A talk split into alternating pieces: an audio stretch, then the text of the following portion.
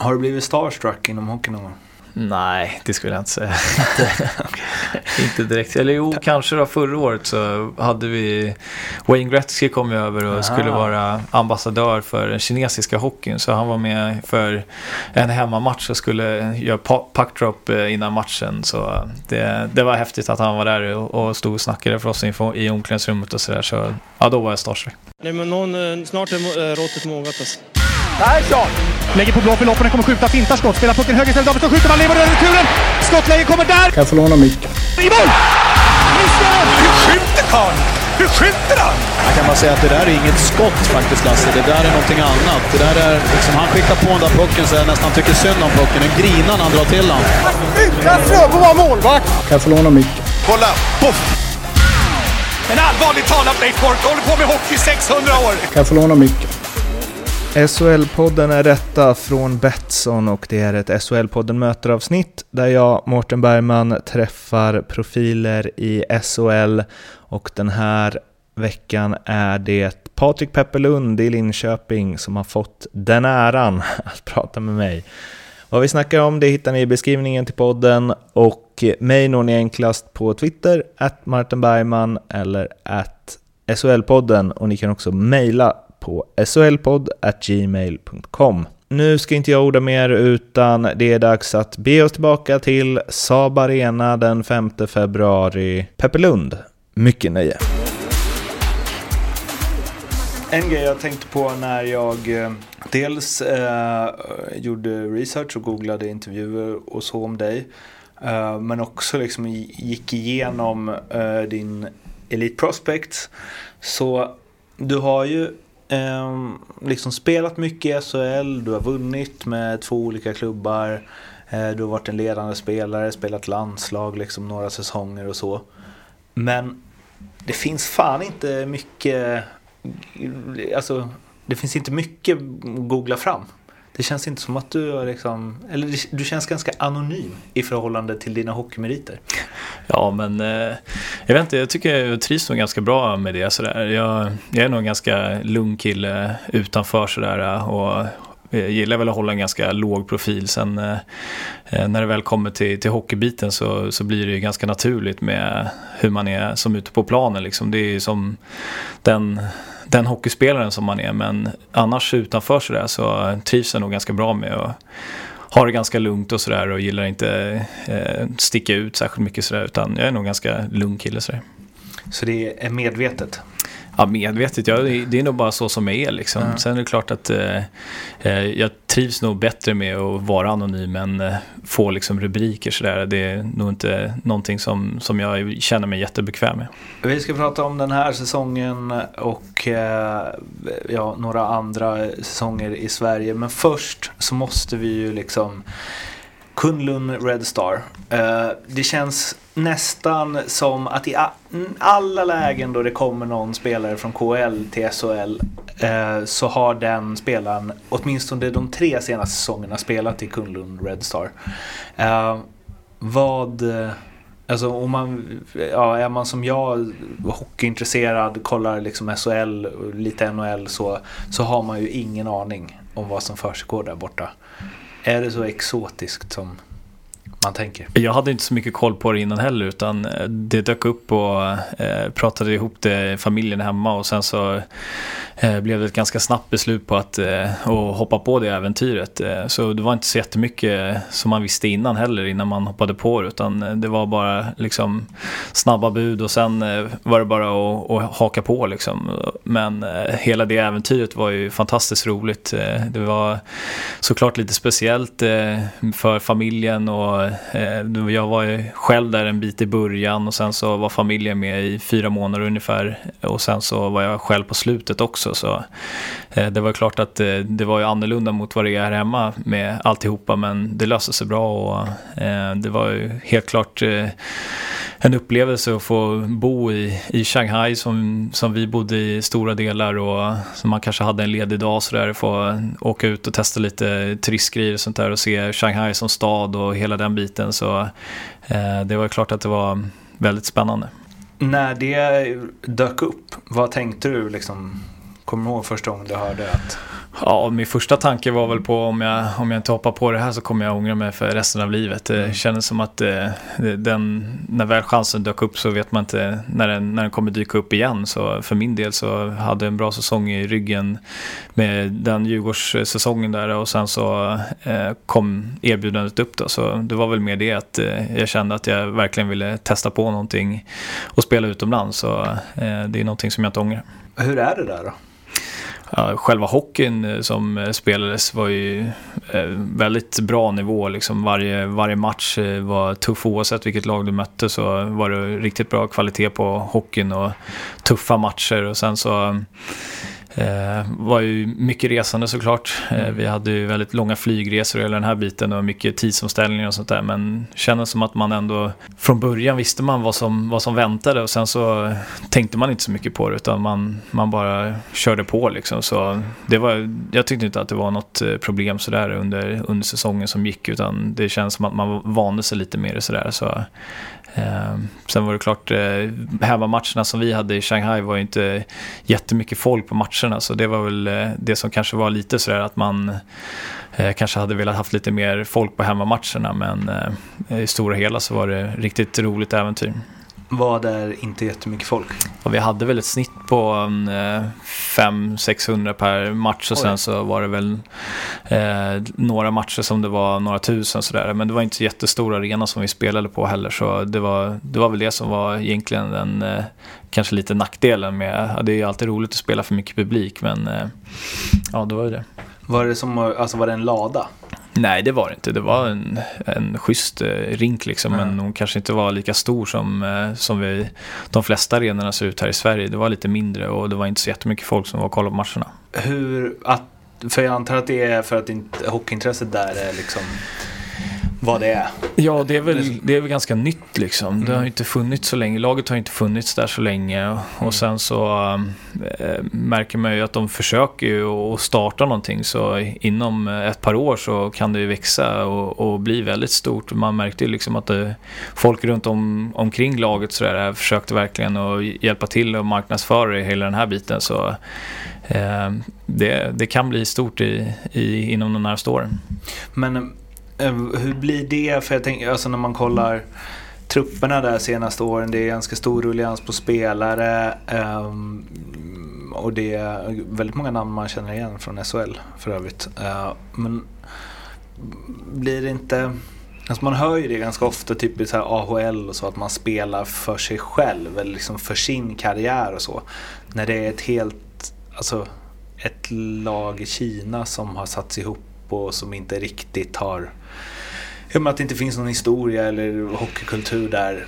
Hur blir det när det är liksom eh, 25 nya grabbar och sen ska man Alltså, jag tänker att krigandet för klubbmärket mm. kanske inte är 100%. Nej, nej, men jag måste ändå säga att jag var alltså, imponerad på det sättet. Vi hade ju en finsk coach i, i början av säsongen. Så hade vi ganska många finnar som var med den säsongen också som man umgicks med. Och alla amerikaner och kanadensare som var där också eh, var väldigt schyssta liksom och väldigt laglojala och sådär. Så jag tycker inte att vi hade det året liksom någon den typen av eh, känsla att man bara spelar för sig själv utan eh, vi hade en jättebra grupp och för egen del så var det skönt också med att man kunde liksom prata och umgås med alla och klara sig bra på att prata engelska. Så det var aldrig att man kände liksom att man var ensam nere på hallen sådär utan det var alltid när man kom ner till ett skönt gäng liksom och sen så eh, krigade vi på. Vi hade en säsong där vi spelade ganska bra tag och sen hade vi en period runt jul där som vi hade väldigt mycket skador och, mm. och hela den biten. Så vi hade ganska tunn trupp i slutet av säsongen och missade slutspel där. Så det, det var lite synd men eh,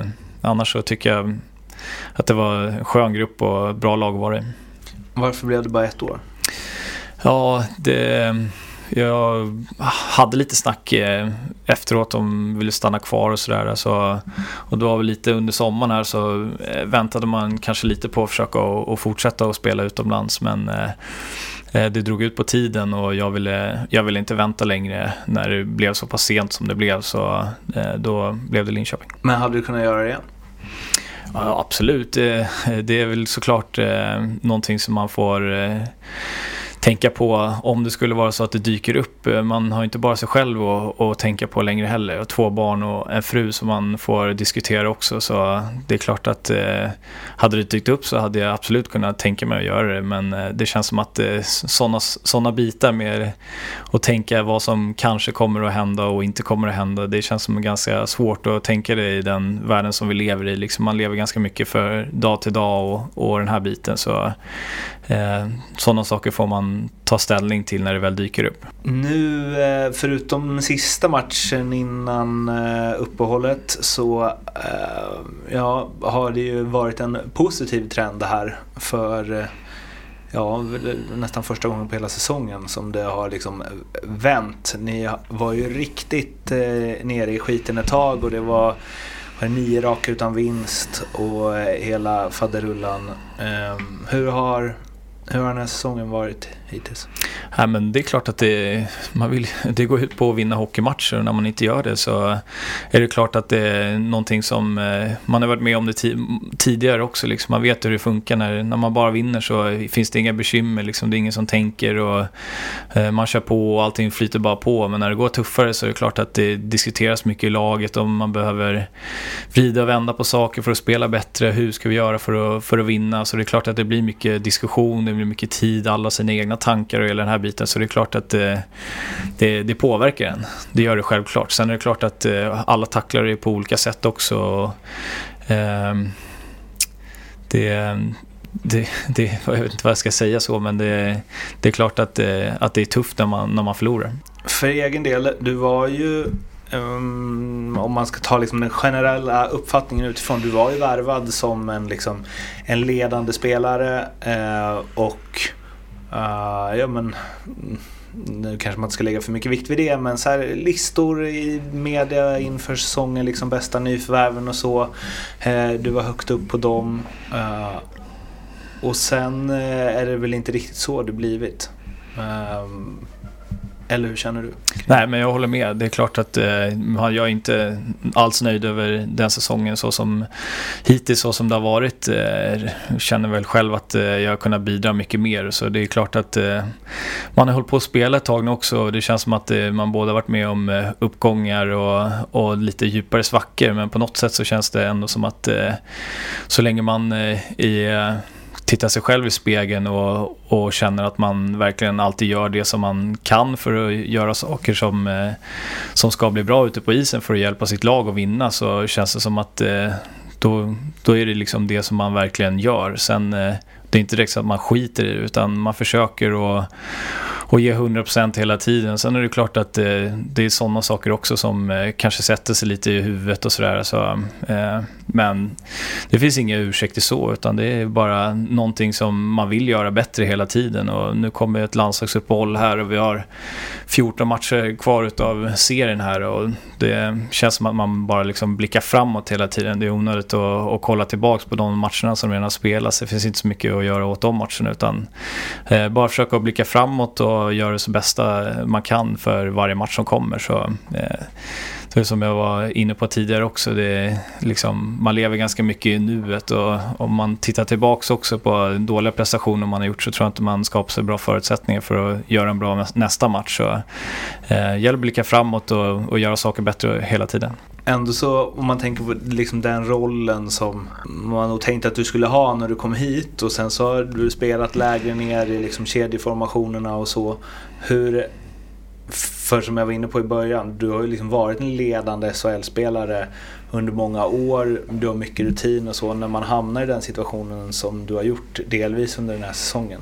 Vad, alltså, eh, självklart blicka framåt och så men jag antar att man analyserar lite och tänker och det kanske inte är superhärliga känslor hela tiden. Liksom. Nej, det är klart att det är så. Det är som jag sa också, det, man har varit med om eh, fantastiska framgångar och, och perioder där det går lite tyngre också. Men om jag tittar tillbaka på mig själv så, så vet jag att sen tidigare så har det varit så att om jag bara fortsätter att vara den personen och hockeyspelaren som är så brukar det liksom bli bra till slut. Så det är väl de gångerna som man eh, verkligen får knyta näven och, och, och köra liksom. Så, eh, sen är det klart att eh, eh man inte är nöjd med, med så som det är men det, det är bara att knyta näven.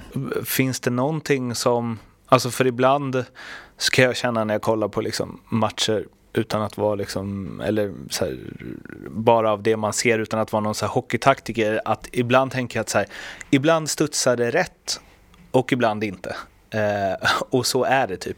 Och så här, när man får lite medflyt, då kan allt rulla på och Fan vad man liksom, jag, eller liksom lag jag har hållit på och man har svurit över spelare som varit så jävla dåliga i 15 matcher och sen så helt plötsligt kommer det 15 matcher då de är topp tre i laget och skitduktiga för att man har petat in något mål eller alltså så här.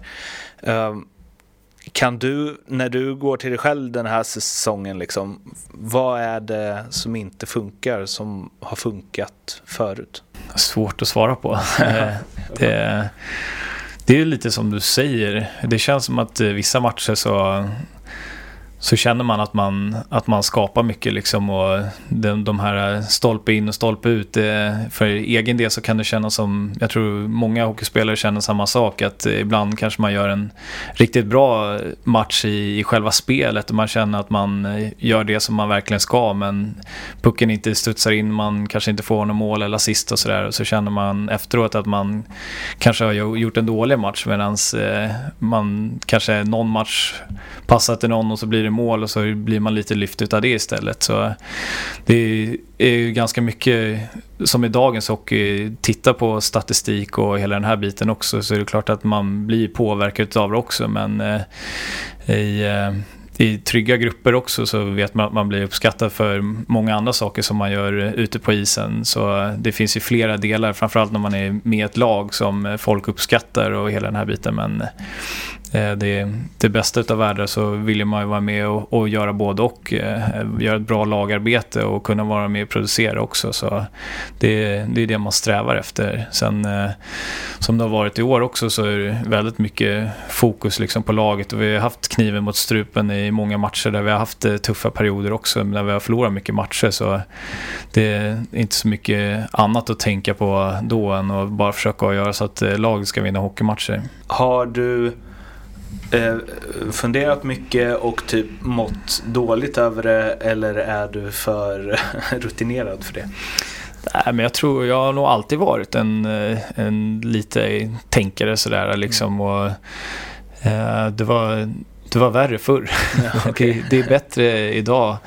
Mm. Man har ju klart eh, lättare att, att, släppa saker som man går och ältar hela tiden. Och man hjälp av en fantastisk familj som man har hemma också med två underbara barn som Eh, sprider mycket glädje och energi hem också och kommer hem och vara en eh, sur, surkart för att man eh, spelar, tycker själv att man spelar dålig hockey hjälper inte familjen heller. Så det känns som att eh, förut så kunde man älta det där dygnet runt men nu så lägger man väldigt mycket fokus på, på hockey när man väl är nere på hallen och, och hela den här biten. Men sen hemma så kan det vara skönt också att kunna släppa det lite och spendera tid med familjen och vara en bra pappa. Så eh, det, får hitta en bra balans där. Alltså, så man inte går och ältar för mycket när det går tufft och sen eh, det gamla klassiska också. När det, när det väl vänder och man kanske spelar bra så får man ju inte sväva iväg för mycket heller. Och, I alla fall inte för mig som person. Jag har alltid försökt att hitta den här bra balansen. Eh, när man spelar jättebra och man tycker att allting flyter på och fortfarande vara ödmjuk då och fortsätta göra de bra sakerna. Och samtidigt som det går lite tyngre så vill man försöka vända det så att det, så att det ska bli bra och man spelar bra hockey igen. Jag vet att det är mitt uppe i säsongen och hej och hå, men du har ju ett 1 plus 1 kontrakt som jag antar att det här plus ett är väl från båda håll. Eller? Att både du och klubben ska komma överens i sådana fall. Att det är något så här förskrivet eller hur funkar sånt där? Ja, men det är sådana saker också som spekuleras mycket kring utifrån. Det, jag trivs jättebra i Linköping och eh, som jag varit inne på tidigare så vill vi bara försöka att vinna matcher och vända på det här. Så eh, får man ta ställning till det när säsongen är färdigspelad och eh, hur det kommer bli nästa år. Men som jag sa så trivs jag jättebra här och eh, kan tänka mig att eh, jag skulle kunna vara ganska revanschsugen också om, om det fortsätter på det här spåret till, till nästa säsong eller om man eh, lyckas vända den här eh, slutet av säsongen till, till någonting positivt och bra för både en själv och laget så är det klart att eh, man vill vara med på den resan. Vi ska gå till del två. Yes, del två som jag ju då kör med alla eh, jag intervjuar. Förutom Foppa, Sudden och Lidas. Vem eh, håller du som Sveriges bästa genom tiderna? Eh, då skulle jag nog säga Henrik Zetterberg. Det är många, jag har pratat om det flera gånger i den här podden, men det är många eh, hockeyspelare som gör det. Fler liksom hockeyspelare än hockeypublik, mm. tror jag. Är det för att han är typ bra på allt? Ja, man ser väl eh, eh, alltså hans typ och sätt att spela hockey så var det väl att han var den här killen som var eh, framgångsrik offensivt och producerade mycket eh, poäng och hela den här biten. Men sen tror jag folk eh, uppskattar honom som hockeyspelare och lagspelare också med att han var otroligt lojal och alltid gjorde sitt bästa. Han var ju bra på att teka och spela jättebra defensivt också. Han var ju liksom den här personen som man alltid kunde luta sig tillbaka på. Man visste man fick av dem på ett väldigt bra sätt, både offensivt och defensivt. Och det är det, är det som gör och hjälper till eh, för lag att vinna. Så det är klart att eh, det är en viktig bricka i, i de lagen som man har varit med och spelat i. Förutom Gretzky och Lemieux, bäst genom tiderna? Eh, Sidney Crosby skulle jag säga. Han är också otroligt imponerande hockeyspelare. Man brukar följa och kolla ganska mycket highlights och sånt där från NHL och det känns ju var och varannan match som man tittar så gör han otroliga saker med, känns också som komplett spelare. Eh, framförallt i det offensiva spelet så har han otrolig balans och fokus och spelsinne så eh, det är en, en, spelare som man är ruggigt imponerad utav. Ja, det är fan sjukt ibland när han har varit så skadad 30 mm. matcher och så kommer han tillbaka och bara är det som att han aldrig varit skadad. Nej, precis. Om det hade funnits en tidsmaskin och du hade kunnat åka tillbaka till 1990 så bra som du är nu. Tror du hade tagit plats i första femman i alla NHL-lag då? Oj, det är svårt att, svårt att säga. Det är klart... Eh, eh, Aningen hypotetisk Ja, precis. Eh, oh, men det är klart, utvecklingen har ju gått eh, otroligt mycket framåt. Så det, kanske hade kunnat vara med och, och spela i någon check-in line eller någonting då, och åka mycket skridskor. Så eh, det, chansen hade nog funnits. Utrustningen spelar ju viss roll också kan man ju säga. Ja, absolut. det, jag vet inte hur det är med träklubba och sådana bandyskridskor eller vad det var man hade. Ja, det känns. Om eh, du får tänka helt fritt, vilken regeländring, hur galen den än må vara, hade du velat testa inom hockeyn? Svårt att svara på. Men eh, jag vet inte, det var kanske att hitta någon, eh, någon balans med någon, eh, med någon regel som det är med eh, för att skydda målvakterna och, men samtidigt inte vara för petiga in mot mål. Så det är klart eh, den diskussionen har varit uppe mycket med att hitta balansen däremellan med att skydda målvakter men samtidigt inte eh, göra så att mål blir bortdömda. Så, eh, kanske hitta någon typ av tydligare regler där. Men det är en otroligt svår och komplex fråga. Jonas Junland, din lagkamrat som jag intervjuade strax innan dig. Vad tror du han sa på den? Det var lite mer rubriksvar. Ja, jag kan tänka mig det. Flytta på alla spelarna så han får göra mål eller något. Uh, han tyckte fighting ja, i svensk fighting. hockey. Ja, okay. ja. uh, den bästa spelaren du spelat med och då inte utifrån om, alltså att, inte den som blev bäst eller är det största namnet nödvändigtvis, utan den du där och då eh, var den bästa spelare du haft i samma lag? Ja, då måste jag säga Andreas Engqvist. Eh, jag var otroligt imponerad av honom när han kom hem där och man såg redan direkt från början att eh, Eh, man hade inte sett det. Jag spelade ju lite med honom i, J20-åldern i Djurgården där innan han försvann och våra vägar drog åt olika håll. Men så kom han tillbaka till Djurgården där och eh, otroligt eh, skicklig hockeyspelare och eh, grym människa. Och sen eh, såg man liksom ute på isen vilken härförare han var och kunde dominera fullständigt. Så ja, jag var riktigt imponerad av honom och fick ju förmånen att få spela med honom också det året. Så eh, ja, det var verkligen en, en, spelare som lyfte en själv och, och gjorde en bättre som hockeyspelare. Så jag säger Andreas Engqvist. Utifrån samma kriterier, den bästa du mött? Det måste ha varit eh, Patrick Kane, kommer jag ihåg många gånger med juniorlandslagen. Det var ju samma sak, där, samma sak där också. Det var ju liksom varenda gång som man mötte han så gjorde han ju någonting sjukt liksom. Var med och producerade varenda match. Och, ja, han var riktigt bra i ung ålder och har ju fortsatt på inslagna vägen. Så ja, det grym spelare.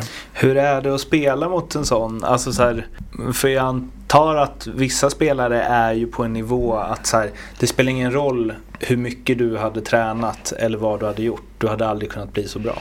Nej, jag tror det. Det känns som att eh, vissa, vissa spelare har det liksom bara. Det är klart att det ligger ju mycket träning och, och fokus och allt det här bakom det också. Men någonstans så, de här toppspelarna i världen, de har nog redan ifrån början liksom en touch, en spelförståelse och hela den här biten. Sen är det klart att du kan träna upp ett skott och stå och nöta och allt det här. Men eh, jag tror nog framförallt eh, själva liksom klubbteknik och upp med blicken och kunna förutspå lite vad, vad spelare åker och sådana bitar. Det, det är någonting som man inte bara tränar sig fram utan det finns där redan från början. Så man kanske skulle haft lite av det. Men kan det bli så när du möter honom till, eller mötte honom, är det så här shit vad han är bra? Absolut, man försöker ju göra sitt bästa. Man, eh, liksom, man kanske, vissa, ja men just då kanske man var lika snabb och sådär. Men sen blir det ju med riktningsförändringar och stopp och klubbteknik på det också. Så är det klart att man försöker göra sitt bästa men det kanske inte räcker till alla gånger. För eh, ja, han var helt, helt enkelt för bra. Så, eh, men det är klart att man, man gör ju sitt bästa. Men... Mm. Är det den största så här, vad säger man, bolltalang du sett? Ja, men det måste ha varit i och med att han, han är ju den, den, så jag kommer ihåg han som den spelaren som han är idag, så jag var ju likadan då också med eh, lätt skridskoåkning liksom, men framförallt alltid huvudet upp och med teknik och snabba händer och sånt där. Så. Den eh, bästa tränare du haft? Tränare jag haft? Eh, jag kommer ihåg uh, Thomas Montén hade jag som, eh, han betydde mycket och var riktigt rolig att ha som tränare i eh, Djurgården J20 när jag kom upp eh, i J20-åren där. Och, eh, jag tyckte om han var ung liksom och var som en eh, utav eh, killarna i laget liksom hade riktigt bra eh, snack med grabbarna och hela den här biten. Men samtidigt så var han också väldigt tydlig med eh, när det var match så var det eh, fokus på det. Så han, en bra balans med att vara en bra människa och bra snack med alla men samtidigt kunna eh, liksom ha väldigt bra fokus när det väl kommer till träningar och matcher. Någon sämsta tränare? Eller minst bästa? Nej, jag, jag har inte haft någon som jag tycker är så dålig sådär. Ingen som jag vill utnämna heller. Utan, eh, du har inte haft någon så här galen? Nej, inte, inte någon som har varit sådär som man tycker är helt slut i huvudet. Liksom, utan det känns som att det eh, jag menar, Man är alltid respekterad över den som, den som driver laget. Liksom. Sen, då får man rätta sig in i ledet och köra. Sen är det klart att det alltid finns en diskussion i... Desto bättre lag man har spelat i, desto öppnare diskussion har det varit. Där folk får vara med och bestämma och, och tycka och tänka. Och det är väl ett tecken på en bra tränare också, att man släpper in spelarna i laget som får vara med och, och prata om spelsystem och alla de här bitarna också. Så. Den eh, bästa spelaren i SHL? Uh, eh, Ryan Lash skulle jag säga. Den är väl uh, lite inne på samma som var inne på med Patrick Kane också med spelförståelse och allt det här. Det är en otroligt eh, eh snabb liga liksom med många bra skridskoåkare och bra defensiva strukturer och mycket backcheck och hela den här biten. Och se till han spela under många år varit eh, produktiv i SHL inte är lätt att vara det utan eh, år efter år så, så är han där uppe och producerar och eh, det är väl bara, han har otroligt bra koll på spelet med, med spelförståelse, liksom hittar öppna vägar och mm. alltid koll på pucken och blicken upp så eh, imponerande. Det är som att han glider runt i sitt egna tempo lite. Mm, absolut, jo men det är väl tecken för bra spelare. De, det ser ut att gå långsamt ibland men de skapar ju tid för sig själva också genom att, att ha bra koll på läget där ute. Det är som Beckis. Ja, som verkligen. Typ aldrig tar ett skär, men han, det är ändå aldrig någon som når honom. Nej, och hittar passningar överallt. Mm. En spelare i SHL som du gillar att möta? På vilket sätt då? Ja, det är fritt för tolkning. Det kan okay. ju vara någon du har lätt för. Det är ju alltid lite farligt att säga. Uh. Då vet man att man inte kommer ha det nästa match. Men det kan ju också vara någon som du liksom haft mycket duster med genom åren som du tycker är kul att liksom stångas med eller så. Liksom. Nej, men Inget direkt sådär, men skulle väl kanske säga Ryan Lash då för att, mm. för att försöka vara med och, och, och, stoppa upp honom och det bra spelet som man har. Det är klart att de flesta toppspelarna i, i ligan vill man ju försöka och, och göra mindre produktiva. Så um, ja, skulle säga någon av toppspelarna i sådana fall för att försöka vara med och, och stänga ner. Någon du ogillar att möta? Ja, eh, skulle det vara någon som tacklas hårdast. eh, ogillar, ogillar är väl kanske Rahim är en sån som, eh, som är, liksom spelar ett tufft spel. Så mm. eh, det är klart att eh, när han kommer i full fart så, så känns det. Han kommer upp ganska ofta som svar på den frågan. Mm. den bästa lagkamrat du haft eh, och det behöver inte vara bästa kompis utan som du tycker att man ska vara i ett lag, i ett omklädningsrum. Um, och så vidare. Ja, helt klart eh, Rickard Wallin skulle jag säga direkt. Mm. Eh, var otroligt imponerad av honom som har kommit upp som ung i Färjestad och eh, lagkapten i Färjestad och det är väl mycket utav det som han stod för som både som hockeyspelare och person är, är någonting som man kanske inte eftersträvar men ser upp till i alla fall. Han var liksom alltid i omklädningsrummet eh, med högt och lågt, kunde skälla liksom på ett bra sätt, ställa höga krav men berömma samtidigt också. Eh, otroligt eh, liksom, drivande i processen för att eh, laget skulle vara med och vinna och sen så kunde det liksom ta emot för han säkert ibland också, eller det vet jag inte om det gjorde, men han var liksom den som kunde säga ifrån och hela den här biten. Så eh, det är den bästa lagkapten som, som jag har haft i alla fall och för, i mitt tycke var det liksom perfekt eh, för, som lagkapten och verkligen fick alla med på samma, samma plan liksom. Och, Eh, gjorde det som krävdes för att, för att vinna. Junland eh, nämnde också honom på det och då sa han att så här, ja, vi, var inga, vi var inte kompisar och så här, han bara, jag tror inte han tyckte speciellt eller han tyckte väl jag var OK men inte något mer än så och vice versa liksom. Men eh, som lagkapten så var han outstanding. Liksom. Mm, ja, som jag var inne på. Det, han var ju liksom otroligt brydd med varenda match. Liksom, om det var mm. någonting som inte var bra. Liksom, då var han där och petade i det för att göra de sakerna bättre. Och, mm. eh, ja, även fast man vann då så fanns det ju alltid saker att göra bättre. Men utanför otroligt eh, snäll och, och laglojal människa. Så, eh, han var perfekt för att vara lagkapten för ett hockeylag. Det måste vara energikrävande att vara så på hela tiden. Ja, verkligen. Och det är väl det som är imponerande också. Man eh, tittar tillbaka på sig själv också. Liksom. Ibland så man försöker man vara med och bidra och sådär. Men som för egen del så är man ju oftast ganska inne liksom i matcherna och kanske mm. tänker på sitt egna fokus och sin egna femma och sådär. Men sen kunna göra det samtidigt som man är med och, och bidrar till hela laget också i alla små detaljer och det här. Det, det krävs någonting extra för att, för att kunna orka med det liksom. Har du blivit starstruck inom hockey någon gång? Nej, det skulle jag inte säga.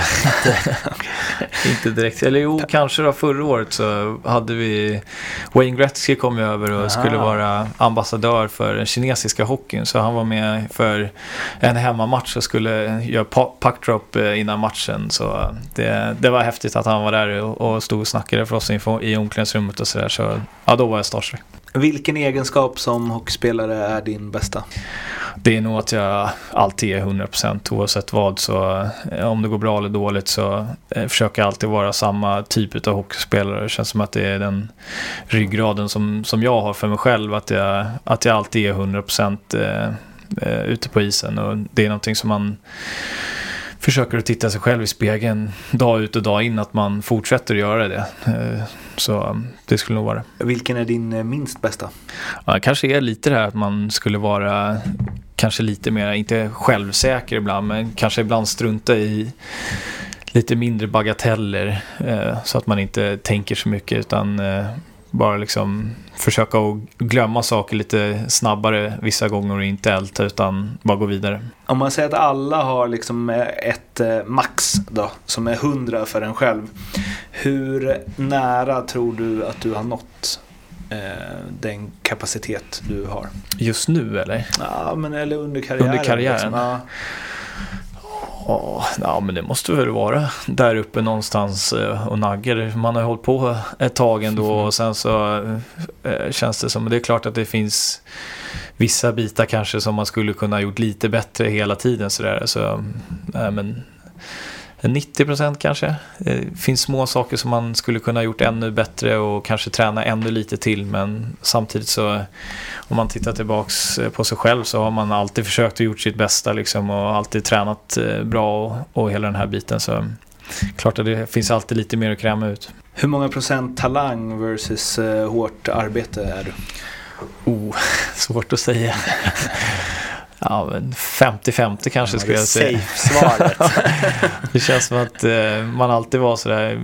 Man fick vara med otroligt mycket roligt när man var yngre sådär också. Spela mycket juniorlandskamper och vara med i TV-pucken och allt det här. Det känns väl som att jag aldrig har varit den liksom som har varit eh, klubba skridskor och mm. klubba mellan benen och satt upp den i krysset. Utan eh, grunden i min hockey har nog alltid varit det här hårda slitet liksom och alltid ge 100% och sen så är det klart att man tränade mycket på det när man var yngre också med klubbteknik och skridskoåkning och allt det här men jag tror eh, för att ha tagit mig dit som jag gjort idag så är det nog eh, en stor del utav eh, eh jävlar anamma liksom och, och tuta och köra så eh, det men lite talang måste man väl ha också såklart. Det är lite bolltalang sådär. Och här 50-50 säger jag.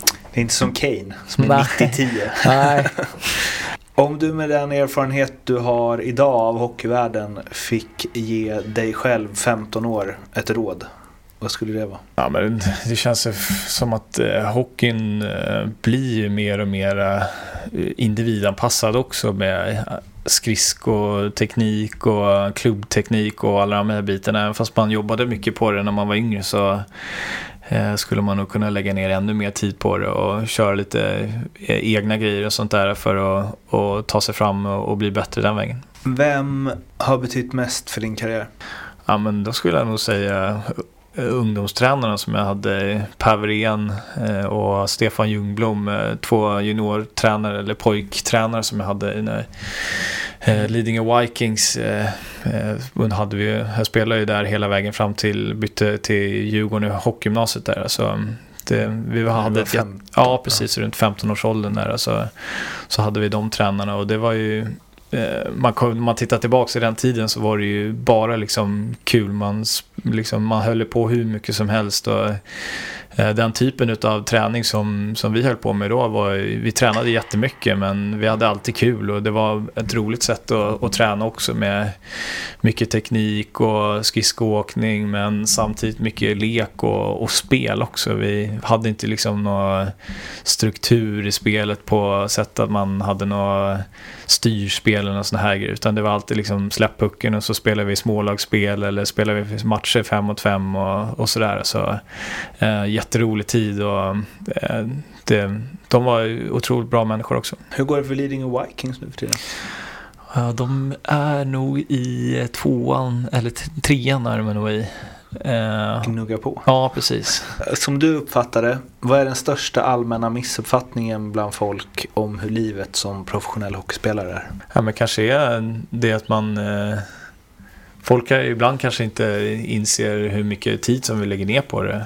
Eh, med träningar och kanske tror att det bara är liksom ner på hallen träna och sen hem igen. Utan eh, det är mycket förberedelser med, eh, med gymtiden och efterarbete och folk som hjälper oss med att ta hand om kropparna och allt det här. Så kanske Eh, tiden som man spenderar nere på hallen eh, kanske folk eh, tror är mindre än vad vi gör. Eh, din största framgång inom hockeyn?